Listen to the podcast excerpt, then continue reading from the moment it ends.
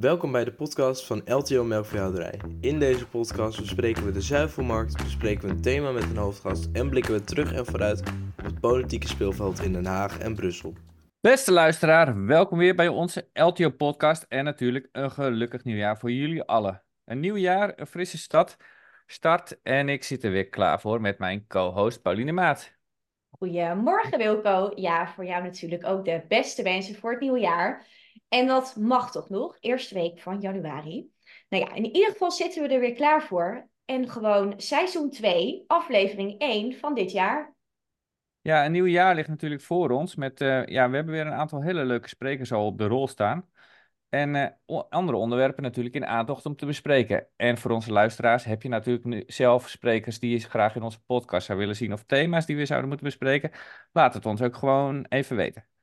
Nou, normaliter beginnen we de podcast natuurlijk altijd met Klaas-Johan die een update doet. Maar ja, Klaas-Johan uh, die heeft uh, net als de helft van Nederland gewoon nog lekker vakantie. Dus dat doet hij ook gewoon uh, goed.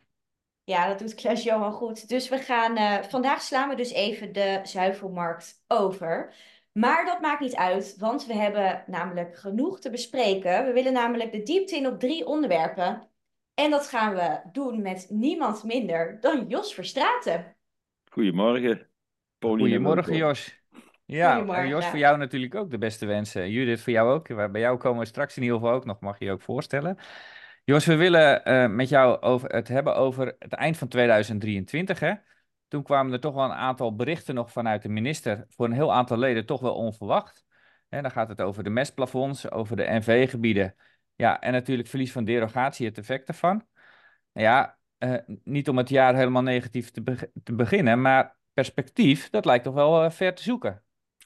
Ja, perspectief, dat is ook uh, ver uh, te zoeken. Ik moet eerlijk toegeven, ik had afgelopen week bij, hè, bij het wensen van de beste wensen, had ik af en toe een beetje een knoop in mijn maag als ik dat doe richting een boer. een beetje een hol begrip. Dus ja, persoonlijk is het heel goed om elkaar de beste wensen te geven, maar als ik gewoon kijk naar wat ons komend jaar te wachten staat, wat uh, het perspectief is, dan is het al, een, al enorm kwetsbaar. De derogatiebeschikking, ik kan me nog herinneren, ik had er nog eens even teruggeluisterd, er inspiratie voor vandaag. De eerste podcast in deze, deze samenstelling, zoals we die vanuit Audio uh, organiseren, was ik ook uh, de, jullie gast. En um, ik had hem teruggeluisterd en ik denk, potverdorie, um, het is allemaal uitgekomen wat ik toen zei. Uh, en dat is ook niet zo raar, want um, welke fase we nu zitten, is het uitrollen van de derogatiebeschikking. Die, die was natuurlijk al bekend eind 2022. Uh, Sorry, 2021 was die al bekend. En, en dan rol je 2023 uh, in met een, uh, een afbouwscenario en na het voorjaar en dan begint het hier en daar wat uh, te, te, te wringen. En dat lijkt er dan een beetje op alsof het dan pas eigenlijk echt begint in te dalen op het boerenerf. Van we hebben een enorm uh, probleem. Ik kan mijn mest niet kwijt. En dat is nog maar het begin. Het afgelopen jaar was het eerste jaar van echt een afbouw van derogatie. En, en nu zitten we in de tweede fase. Dus het wordt nog spannender. Jos, eh, nou is het natuurlijk een heel groot thema. En uh, lijkt me wel goed om hem even in kleine stukjes op te knippen. Dat we eerst even inhoudelijk kijken naar uh, wat, betekent, wat, wat, wat, wat betekent het nou. En daarna ook even de inzet van LTO en hem zo gewoon even af te werken. Dus laten we eerst eens beginnen met die verlaging van de mestplafonds. Wat, wat is nou die verlaging van de, van de mestplafonds? En wat betekent dit nou? Ja, als ik, ik had mijn, mijn, net al zei, hè, ik had mijn eerste uh, gesprek met jullie had ik nog teruggeluisterd. En er zat nog, zat nog één foutje, heb ik kunnen constateren. Want daar had ik aangekondigd, de verlagen van de mestbefonds, dat zou ingaan per eind 25, begin 26. Uh, maar het is nog ernstiger. Wij moeten in 2025 in Nederland met alle dierlijke sectoren samen 10% minder stikstof en fosfaat uit mest produceren. Dat wat we in 2020 hebben gedaan met elkaar samen. Dat betekent, en 24 is nu begonnen. In 24 zit uh, niets eh, vanuit de overheid gestuurd, anders dan vrijwillige opkoopregelingen, die zijn effect zouden kunnen hebben op het uh, verlagen van de mestproductie in Nederland. En in 25 over het hele jaar gerekend, moeten wij 10% reductie uh, behalen. Um, nou, en dan ga, je, dan ga je met elkaar kijken, en hoe, hoe kom je daar dan? Of wil je er wel komen? Kun je er wel komen? Vanuit de melkveehouderij hebben wij gezegd, uh, wij voelen ons verantwoordelijk om ons steentje bij te dragen. Dus 10% reductie van uh, de, de mestproductie uit de melkveehouderij is voor ons gegeven. Maar de manier waarop willen we invloed op hebben. En dan is wel heel duidelijk in ieder geval wat we niet willen. En we willen geen generieke korting. We willen geen herhaling van het fosfaatdossier. Maar het hangt natuurlijk ook af van het succes van de opkoopregeling uh, in zijn totaliteit. Uh, of we in de buurt komen van de mestproductie 2020 en wat dan eventueel nog een restopgave is. Maar Jos, we moeten dus die 10% naar beneden vergeleken met 2020. Maar waar zitten we dan nu ongeveer? Ja, we zitten met, uh, met stikstof zaten we iets lager. In de zin van, daar hadden we een aardige reductie behaald. Maar de, de seinen voor 2023 zijn weer iets minder gunstig. En waar komt dat door? Het, het blijkt zo te zijn, en dat zal elke melkveehouder ook begrijpen. Op het moment dat we een droog jaar hebben met een lagere ruwvoerproductie, dan hebben we vaak ook een lagere ruw-eiwitgehalte in het gras. Dan ga je automatisch minder eiwit in je rantsoen uh, hebben. Dat kun je dan aanvullen met uh, eiwitrijk krachtvoer. Maar ja, dat moet je kopen. Hè? Dat ligt niet op het erf vanzelf. En dan zijn we vaak automatisch wat kritisch op de inputkant. En in een jaar waar de grasgroei zeer welig is, hebben we vaak royaal ruw eiwit in het rantsoen. En dan zouden we eigenlijk aan de eiwitkant wat kunnen knijpen. Maar dat doen we dan vaak niet, want waarom zou je dat als individuele boer doen? Wat is jou, jouw directe belang daarbij? En daarom zie je de afgelopen jaren die eiwituitstoot, uh, uh, of sorry, ik zeg het even verkeerd, de stikstofgehaltes en de samenstelling van de mest en het overschot wat op een bedrijf daardoor ontstaat, zie je in de loop van de tijd variëren. Dus we moeten eigenlijk leren meer met die knop te gaan sturen. Terwijl we in het verleden stuurden we eigenlijk vooral aan de fosfaatknop. Hè. Ook de, het voer is bewust door de, door de in overleg met de sector het, het rantsoen eh, aangepast, zodat je minder fosfor in je rantsoen krijgt om binnen dat fosforplafond uh, te blijven vanuit het verleden. En daar komt nu qua stikstof komt daar een opgave bij. Ja, en, en Jos, jij had het net over 10% eh, naar beneden met alle dierlijke sectoren. Maar moet dan elke sector hetzelfde reduceren dan? Of zit daar nog verschil in? Nou, er zit in zoverre verschil in. Um, Brussel heeft bepaald dat er 10% minder mest geproduceerd moet worden. Uh, hoe dat Nederland dat vervolgens denkt te gaan realiseren, is aan Nederland zelf. We hebben wel in een eerdere uh, derogatieronde, het zesde actieprogramma, is uh, afgesproken, uh, ook toen op een eis van Brussel, dat er in ieder geval voor de grote sectoren, dus kip, varken en koe, dat daar individuele mestplafonds voor zijn. En, en die individuele mestplafonds die zijn toen ingericht om op het moment dat er een probleem ontstaat in de zin van er wordt meer mest in Nederland geproduceerd dan wat volgens de kaders van Brussel mag, dan kun je ook direct ingrijpen op die sector die uh, bijdraagt aan dat overschot. Dus we hebben nog steeds geen probleem als we op nationaal niveau die 10% reductie halen. Maar mochten we dat niet halen, en die kans is, ik zou bijna willen zeggen 100%, mochten we dat niet halen, ja, dan zal er gekeken worden naar welke sector heeft minder eh, reductie gehaald ten opzichte van andere sectoren.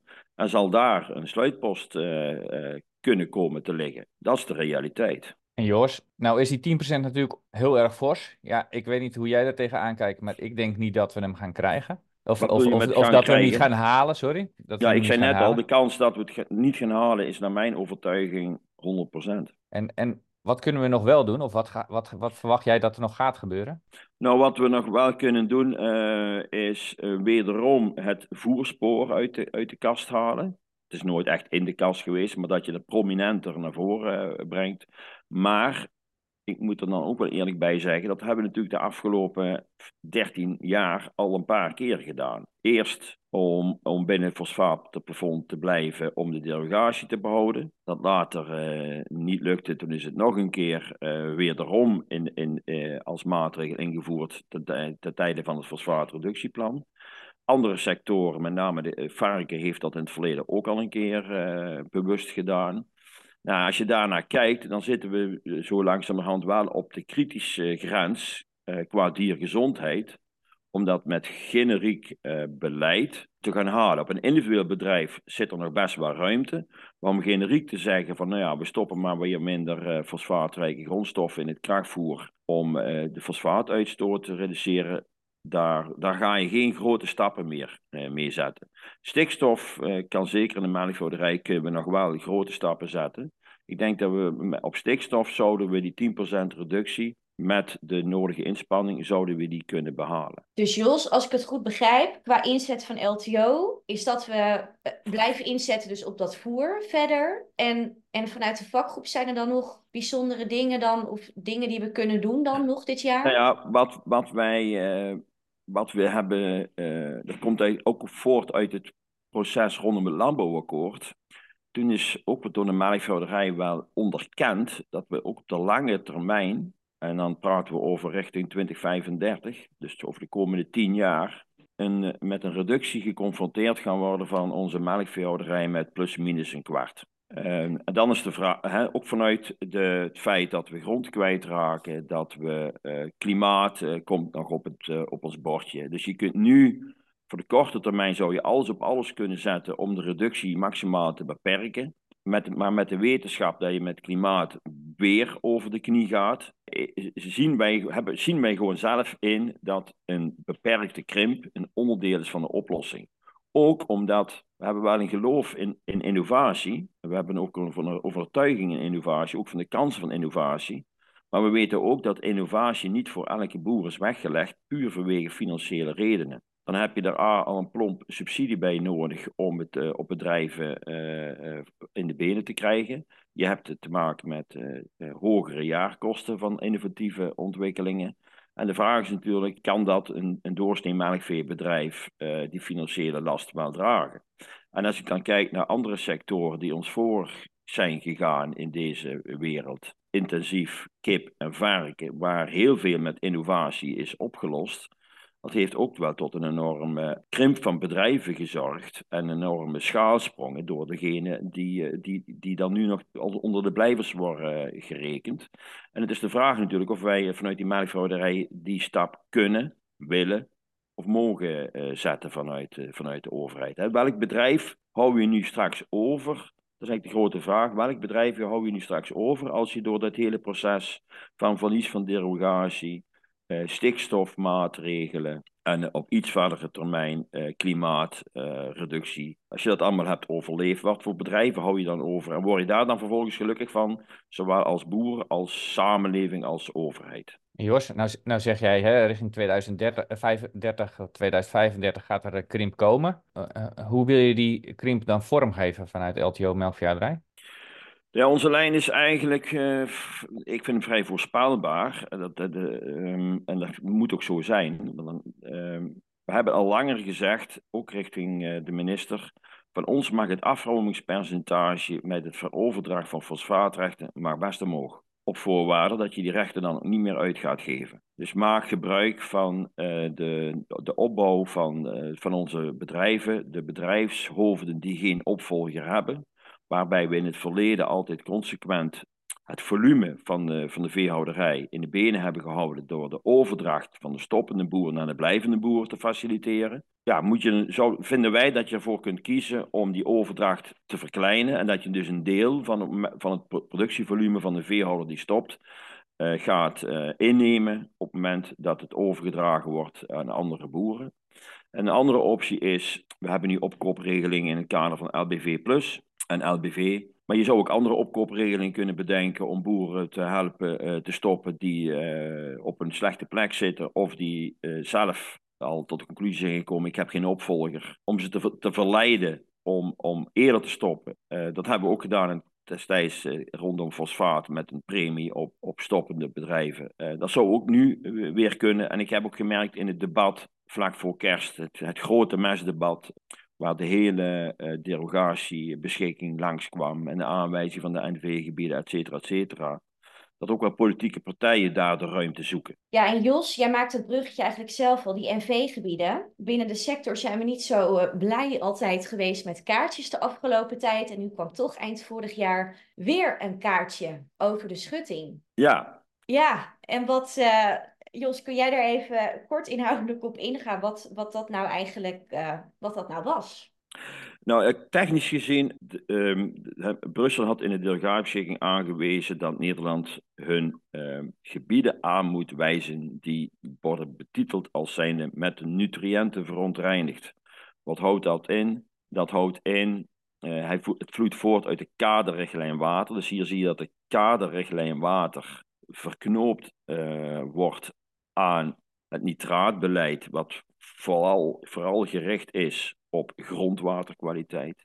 En vanuit de kaderrichtlijn water zijn nutriëntverontreinigde gebieden bestempeld als gebieden waar de stikstofnormen, de fosfaatnormen of de ecologische kwaliteit van eh, eh, waterlichamen, die dan binnen de criteria van de KRW vallen, waar die onvoldoende is. Brussel had Nederland des, dermate onder, onder eh, hoe zeg je dat netjes, ik noem vaak het woord curatelen.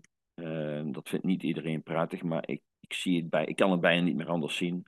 Eigenlijk lag, lag Nederland ligt bij Brussel, Brussel onder curatelen. En Brussel had eigenlijk al gezegd: Nederland, als u voor 1 januari 24 de gebieden niet aanwijst die daar onder vallen, dan doen wij het. En dat gebeurt dan op data. Daar is ook best discussie over in het veld, uiteraard. Op basis van data die uh, relatief oud zijn. En dat zou betekenen als uh, Adema zelf niet met de voorstel kwam, dan had Brussel gezegd, nou ja, dan is heel Nederland nutriënten verontreinigd, behalve het rivierengebied, uh, de, de, de klei tussen de, hè, de Waal, de Rijn, de Maas, dat gebied zo'n beetje van Nijmegen naar Rotterdam, zo'n strookje. Had je dan nog overgehouden, de rest is nutriënten verontreinigd gebied. En in de derogatiebeschikking was al aangekondigd, in zo'n nutriënten verontreinigd gebied daar gaat de derogatie sneller afgebouwd worden. En daar gaan de gebruiksnormen in zijn totaliteit ook met 20% verlaagd worden. Dus dat betekent ook dat het kunstmestgebruik moet afnemen. Alles met het beeld van dat is dan nodig om de waterkwaliteit in die gebieden op een beter niveau te krijgen. Jos, nu zijn er eigenlijk uh, meerdere uh, nutriëntvervuilde gebieden aangewezen. Hè? Soort, verschillende soorten zijn er nu. Hè? In het verleden had je natuurlijk nou, de, de zand en lus. En nu zijn er natuurlijk uh, stikstof vervuild, fosfaat vervuild, stikstof en fosfaat vervuild. En dan ook nog, kijken ze ook nog naar de biologisch. Wat zijn eigenlijk de verschillen dan tussen die gebieden? Ook als je kijkt naar de, naar de maatregelen die genomen moeten gaan worden. Uh, nou, ik, ik weet niet of ik je vraag goed begrijp, Wilco, maar ik, kijk, met de, met de afkomst van de derogatiebeschikking in september 22 werd al gelijk gezegd van uh, die gebieden waar de grondwaterkwaliteit onvoldoende is, en onvoldoende betekent uh, in Brussels jargon de grondwater, de norm 50 milligram wordt overstegen. Of de norm is lager dan 50, maar heeft een stijgende trend. Dus als je op een, uh, op een niveau zit van 37 milligram met een stijgende trend, dan werd het voor Brussel ook gezien als zijn nutriënt verontreinigd.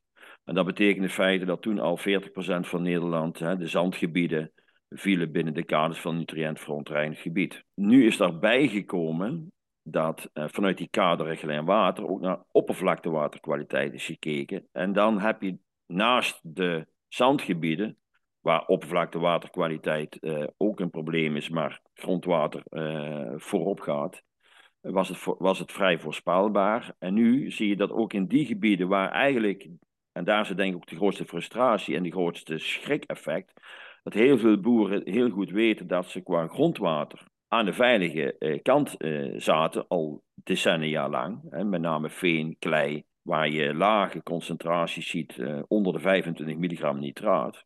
Daar word je nu in één keer, in één keer toch uh, geraakt, omdat je een oppervlaktewaterkwaliteit uh, probleem hebt. En daar zit een belangrijk schrik-effect, want dat hadden die boeren niet aanzien komen. Uh, waar ik eigenlijk op doelde ook, Jos, was dat voor zover ik, heb het, zover ik het heb begrepen, vul maar aan, is dat de fosfaatvervuilde gebieden, wat voornamelijk ook in het westen van het land een heel aantal zitten, dat die nog niet per se die stikstofkorting krijgen van die 20%. Omdat er toch ook wel gezegd wordt van ja, als je fosfaat vervuild wordt, moet je dan wel stikstof gaan korten. weet jij daar iets meer van? Nou, ik, ik kan alleen maar uh, repeteren wat de minister uh, heeft gezegd, Wilco. En daar heb ik sowieso ik al een beetje een hekel aan. Maar de, de, het is heel lang. We wisten natuurlijk dus al in het najaar van 22 dat dit eraan zou te komen. De minister wist dat hij het voor 1 januari 24 geregeld moest hebben. En het blijkt zo te zijn dat daar toch wel heel lang over is onderhandeld met uh, Brussel. Over die concrete invulling van die NV-gebieden. Waar ik Adema uh, lof voor zou kunnen toewijzen, is dat hij uh, ons advies ter harte heeft genomen van maak de gebieden zo klein mogelijk. Dus hij heeft een opdracht uitgezet richting Wageningen en de waterschappen. Om te kijken, kan ik die gebieden aanwijzen op waterlichaamniveau? nou, we hebben in Nederland iets van 500, eh, zoveel, kleine 600 van die waterlichamen. Dus op die manier is geprobeerd dat in te vullen. Nou, dan krijg je dus een hele complexe kaart. Met heel veel gedoe straks over grenzen, uiteraard. En Brussel, die had eigenlijk, zegt men dan, hè, een foutje in hun beschikking zitten. In die beschikking staat in 20% korting op de gebruiksnorm stikstof. Maar blijkbaar was ook bedoeld 20% korting op de gebruiksnorm fosfaat. Nou, daar heeft uh, Adema uh, toch voet bij stuk gehouden. Jullie hebben dat niet opgeschreven, dus dat gaan we niet doen. Dat is één. Tegelijkertijd heeft hij wel in die onderhandelingen toch 5% uh, eh, korting op de gebruiksnorm stikstof weggegeven.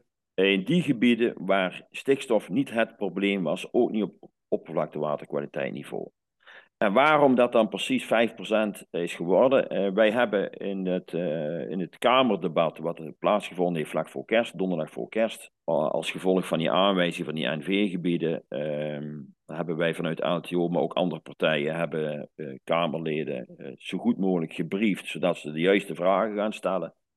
Nou, en dit, dit is eigenlijk dan toch, blijkt dan toch te technisch eigenlijk om dat in, in een kabinet, of sorry, in een debat boven tafel te trekken. Maar die 5 milligram, dat is eigenlijk niet, niet boven tafel getrokken waarom de minister dat toch weg heeft uh, moeten geven. Ja, en Jos, deze NV-gebieden, zijn deze nou voor twee jaar aangewezen, dus de duur van het zevende actieprogramma? Ja, in principe um, gelden al deze maatregelen voor de duur van het actieprogramma, uh, waar we nu al halverwege in zijn. Dus we hebben nog twee jaar te gaan. Dan komt het uh, achtste actieprogramma. En uh, ja, dan zou je makkelijk, en, en, daar, en daar, als je nu naar perspectieven, want dan moeten we toch ook, ook naartoe, naar perspectieven kijken, wat is nu het perspectief? En waar, waar moeten wij als LTO ons nu op gaan focussen? Welke afslag moeten wij nu gaan nemen? En de ene afslag zou kunnen zijn van, nou ja, dit geldt voor twee jaar, dus dan is het voorbij. En dan gaan we een achtste actieprogramma in. En dan gaan we weer eh, gaan we ons inzetten op het uh, terugdraaien van die maatregel, zodat we die 20% korting weer terug gaan krijgen. En uh, de fosfaatplafonds, die gelden ook voor die, voor die twee jaar. die stikstofplafonds, die korting, daar zou je ook op in kunnen zetten. De ervaring leert wel na zeven actieprogramma's dat dit soort maatregelen een volgende actieprogramma automatisch inrollen. En als je dat dan niet wil, dan is mijn overtuiging, dan moet je zelf met alternatieven komen die tenminste hetzelfde bewerkstelligen. Anders gaat, gaat dit gewoon gebeuren en wordt het in het actie-actieprogramma automatisch opgenomen. En dan is de vraag, eh, Paulien en Wilco, zijn wij eh, nu als LTO, maar ook als sector, in staat om onszelf te sturen, om collectief een stap te zetten in waterkwaliteit, zelf maatregelen aan te dragen die wij geschikt achten. Dat doen we enerzijds door al heel lang sinds het 7 actieprogramma te hameren op maatwerk, maatwerkaanpak, maatwerkplan. Uh, maar ook maatwerk betekent niet dat je dan niks hoeft te doen. Dat betekent dat je de maatregel neemt die op jouw bedrijf, in jouw omgeving, met jouw grond en jouw teelten het meest effectief is om een bijdrage te leveren aan die waterkwaliteit. En ook die maatregel gaat wel gewoon pijn doen. Dus we zitten enerzijds in een enorme frustratie. Ik spreek vaak genoeg boeren om te ervaren dat ehm, de beleving op het boerenerf totaal anders is als bij ons als bestuurders. Dat vind ik best zorgwekkend. Want hoe neem je dan mensen mee? Uh, gaan, we, uh, gaan we blijven volharden in het verdedigen en, het, en, het, en, negatief richting de overheid dat ze het allemaal verkeerd doen? Gaan we hopen op een uh, landbouwminister van de BBB, die het straks voor ons allemaal in Brussel gaat regelen? in die zin wordt 24 naar mijn gevoel wel een jaar van de waarheid. Dus Jos, even concreet naar de inzet van LTO hoor ik jou zeggen, op lange termijn zou je door moeten werken waar we langer werken op maatwerk. Um, op bedrijfsniveau. En wat is op korte termijn de inzet op dit thema? Nou, op korte termijn uh, is hij eigenlijk teleurstellend leeg, Wilco. Ja, we, we we weten eigenlijk al twee jaar, nou die delegatie gaat eraf. Het ministerie heeft geen plan B. Wij als LTO hebben geen plan B. Uh, in het debat werd de minister opgedragen uh, om binnen twee maanden met een plan te komen. Dus ik verwacht eigenlijk volgende week dat uh, vanuit het ministerie een belletje gaat richting onder andere LTO van ja, ik heb een opdracht van de Tweede Kamer en ik moet met een plan komen. Wat gaan we doen? Ja, wat gaan we dan doen? En wat, wij, wij, wat wij willen is meer tijd. En, en, tegelijkertijd ehm, zien we, zien we dat het, het, het, het, het werk van het verlies van de delegatie gaat gewoon zijn werk doen. Dus als iedereen op zijn handen gaat zitten, de overheid en wij, dan gaat het zich voltrekken. Uh, er zijn een paar alternatieven voor de korte termijn uh, uh, beschikbaar. Maar ook daarvoor heb je Brussel nodig. En dat heet uh, renuur, dat heet ammoniakstrippen, dat heet eigenlijk dus technisch je, mer je mest zodanig bewerken dat je er een kunstmestvervanger van kunt bouwen. Dat is, dat is de korte termijn, uh, zou dat moeten kunnen, maar dan heb je ook technisch, techniek voor nodig, investeringen voor nodig. En een andere alternatief is, uh, en dat, dat doet het minste pijn, en dat is uh, zo snel mogelijk goede opkoopregeling inrichten. Ja, dus, dus dan hebben we meteen al een bruggetje natuurlijk uh, naar ons laatste onderwerp wat we met jou wilden bespreken. Hè? Verlies van derogatie in de mestmarkt. Hè? Daar hebben we het uh, vorige, vorig jaar ook al een keer met jou in de podcast over gehad. Ja. Uh, ja, toen, toen hadden we het er natuurlijk al over dat dat toch wel, zagen we wel aankomen, dat dat echt problematisch zou worden. Het, het, is ook op, in een aantal gebieden afgelopen jaar al echt problematisch geworden.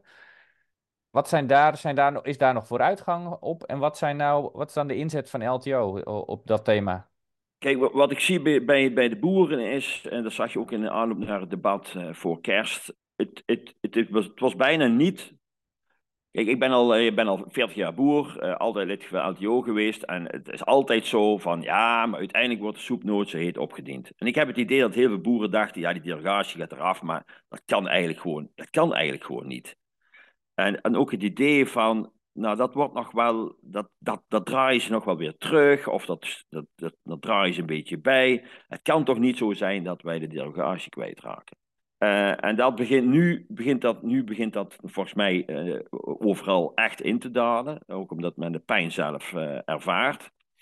En dan krijg je de oproep weer richting ons van jullie moeten je inzetten op behoud van derogatie. Die derogatie, die, die, daar hebben we toch rapporten voor en, ja, en alles is waar, alles klopt. Ja, we hebben rapporten voor en de waterkwaliteit, derogatiebedrijven is beter dan van niet-derogatiebedrijven, noem het dan maar op.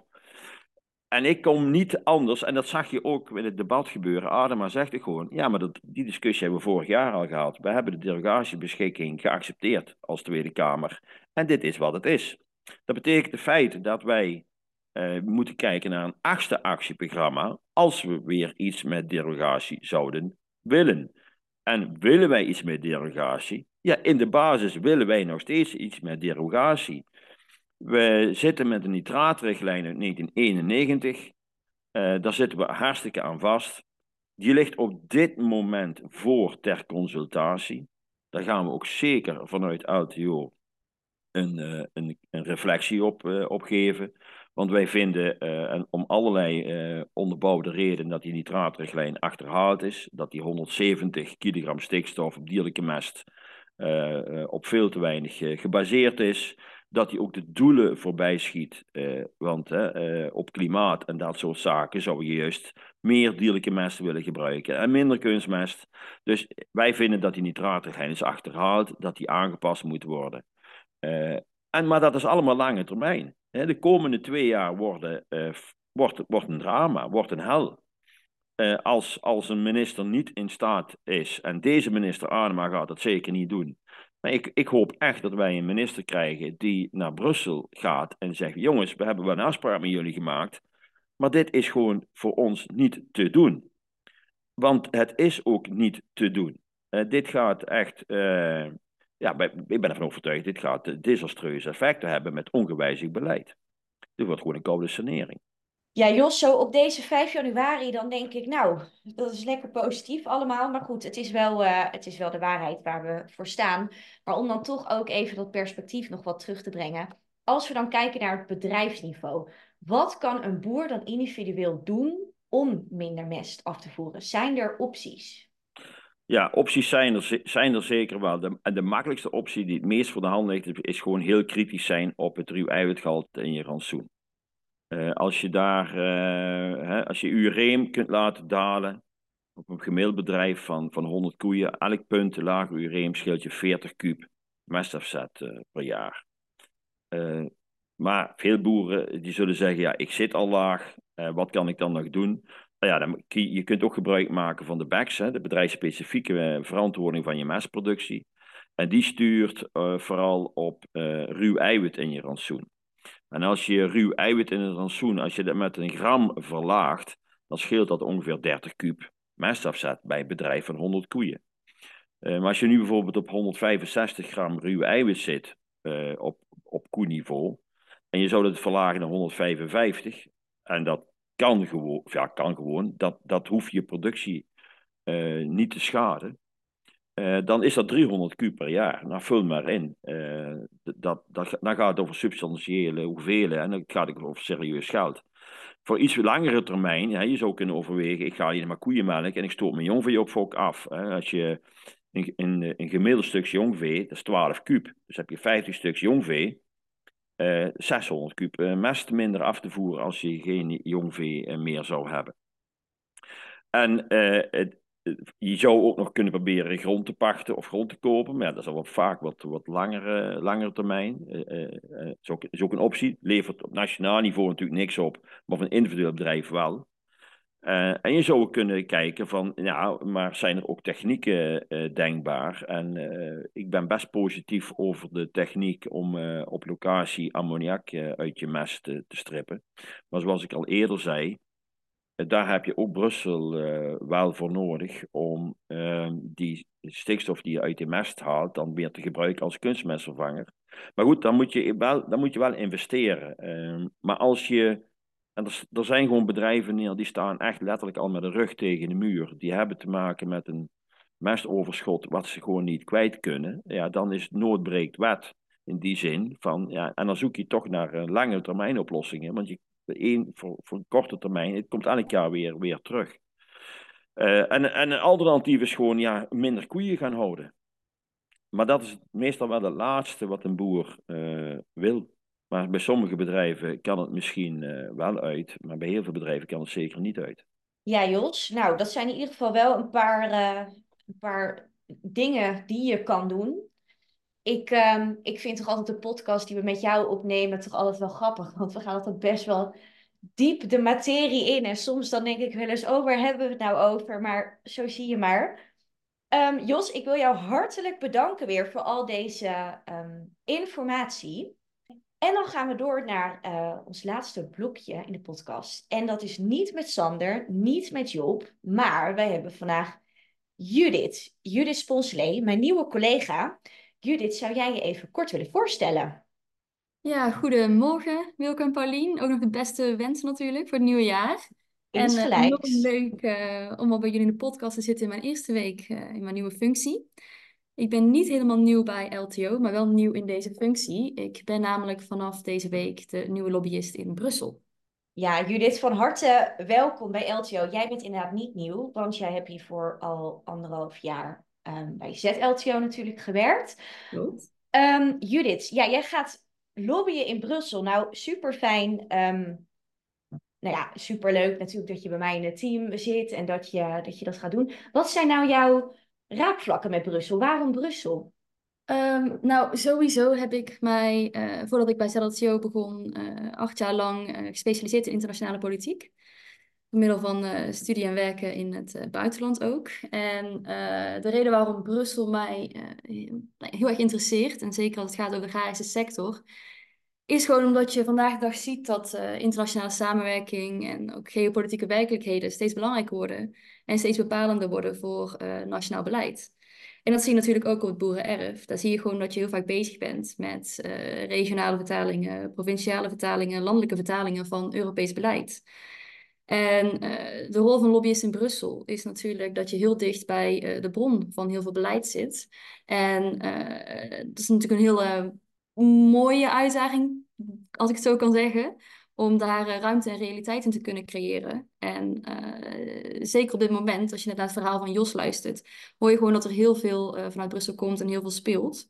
En ook bij LTO gaat het steeds meer spelen dat we op, op, op, op, ja, Brussel gefocust zijn en dat speelveld in kaart aan het brengen zijn. En ook met meer mensen. Dus het is heel mooi om daar nu deel van uit te kunnen maken. Ja, Judith, vanuit mij ook uh, hartelijk welkom. Ik vind het in ieder geval ook leuk dat er zo'n uh, gewoon een, een heel jong uh, communicatieteam zit. Behal en dan misschien als Klaas Johan, dan als, als Nestor, die geloof ik 25 jaar nou bij LTO zit. Maar wel leuk ook dat er echt een jong team zit. Um, en wat zie jij nou als de grootste uitdagingen voor ons als, als LTO om aan de slag mee te gaan in Brussel? Um, ik denk dat je Eerder dat je er als ondernemer iets van merkt dat er in Brussel iets besloten is, ben je eigenlijk al te laat om daar uh, veel aan te doen en daar veel inbreng te leveren. Als je echt naar, naar Brussel zelf kijkt. Dus uh, het 7 actieplan bijvoorbeeld is natuurlijk al lang in, in kannen en kruiken. Dus wij moeten op het 8 en 9 al focussen als je naar de Brusselse lobby kijkt. Je moet daar gewoon veel eerder beginnen en uh, het is een heel complex netwerk. Um, dus het is niet alleen de samenwerking vanuit LTO en de inzet die waar, wij daar uh, als LTO Brussel uh, leveren, maar het is ook de samenwerking met de Europese partijen. En uh, die samenwerkingsverbanden die zijn daar steeds belangrijker aan het worden en ook steeds belangrijker voor onze lobby. Nou, leuk. leuk om het te horen. Goed om te horen. Nou, dan uh, we gaan jou nog veel vaker terug uh, horen in de podcast. Ook op wat inhoudelijkere thema's als er echt dingen in Brussel gaan spelen. Daar is het in ieder geval nu ook reces nog. Dus daar is het nu ook redelijk rustig. Dus in ieder geval dankjewel voor vandaag in de podcast. En nou, dan wil ik onze luisteraars ook weer bedanken om, dat jullie weer bij ons waren vandaag. Over twee weken hebben wij de volgende podcast. En dan gaan we het hebben over... heeft elke melkveehouder over 20 jaar een vrij leefstal? En dat gaan we doen met uh, Henk Hanskamp. Um, dus ook heel benieuwd uh, hoe hij uh, daarnaar naar kijkt en hoe zijn concept met vrij levensstal momenteel loopt en waar hij tegenaan loopt. Ik ben ook heel erg benieuwd, Wilco. En dat gaan we allemaal horen over twee weken. Dus ik zou zeggen, tot over twee weken. Tot over twee weken.